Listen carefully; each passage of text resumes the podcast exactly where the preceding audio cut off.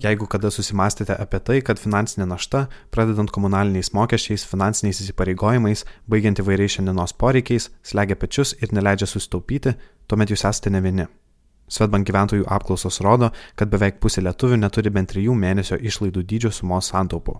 Kita vertus, niekas per dieną nesutaupė milijono, todėl nusprendus pradėti taupyti, svarbu žengti pirmą žingsnį. Terminas finansinė pagalbė jau pats savaime sufleruoja tokių santaupų paskirtį Tai tam tikras garantas, kad nepajustume ar lengviau išgyventume finansinius išbandymus. Turint sukaupus finansinę pagalbę, mes iš finansinės pusės apsidraudžiame nuo dviejų dalykų. Pirmasis - netikėtos didelės išlaidos.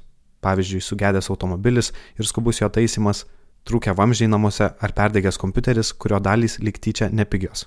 Antrasis dalykas, nuo kurio padeda apsisaugoti finansinę pagalbę - staigus pajamų sumažėjimas, pavyzdžiui, netekus darbo ar dėl lygos laikinai negalint jo dirbti. Nuo ko pradėti?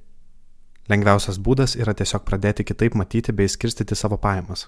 Pavyzdžiui, užuot tiesiog leidžiant savo gautą atlyginimą pagal poreikius, kol jis mėnesio gale išsenka, pravartu suskirstyti tam tikromis dalimis.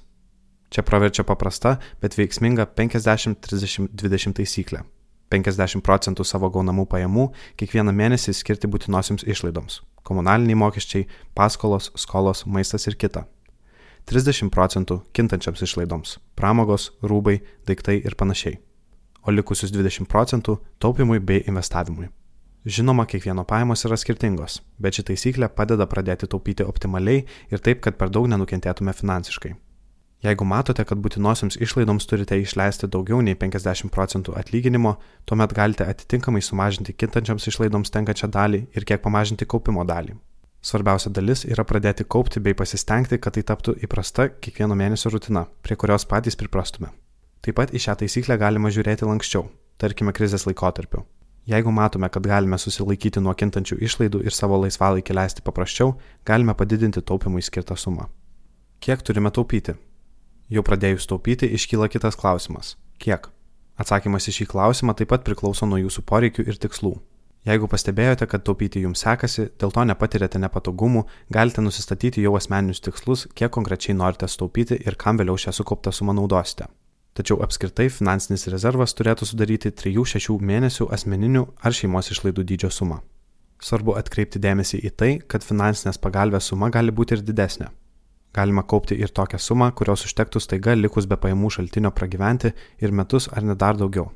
Taip pat viskas priklauso ir nuo jūsų uždirbamo atlyginimo. Finansinės pagalbės nebūtina sukaupti per kelis mėnesius ir dėl to tikrai nereikėtų bet kokią kainą nertis iš kailio. Staigus diržų susiveržimas gali privesti prie streso ar nerimo. Jeigu neketinate keisti darbo ir jaučiate stabiliai, galite kiekvieną mėnesį atidėti pavyzdžiui po 50 eurų ir savo finansinę pagalbę sukaupti per metus ar ilgiau. Svarbu, kad pinigų atidėjimas taptų įpročiu. Kur geriausia taupyti? Taupimas jau seniai nebereiškia pinigų išsigryninimo ir slėpimo pačiužinių ar storose koinėse.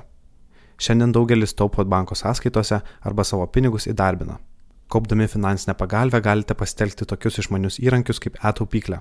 Tam, kad psichologiškai būtų kiek paprasčiau atimti iš savęs dalį šiandienos pinigų, galite nusistatyti sumą, kuri automatiškai kiekvieną mėnesį bus pervedama iš jūsų pagrindinės sąskaitos. Taip pat galėsite pasirinkti, kad suapvalinta sumos dalis nuo atsiskaitimo banko kortele nukeliautų į jūsų taupyklės sąskaitą. Šie taupyklės funkcionalumai padės greičiau įsiugdyti taupimo discipliną.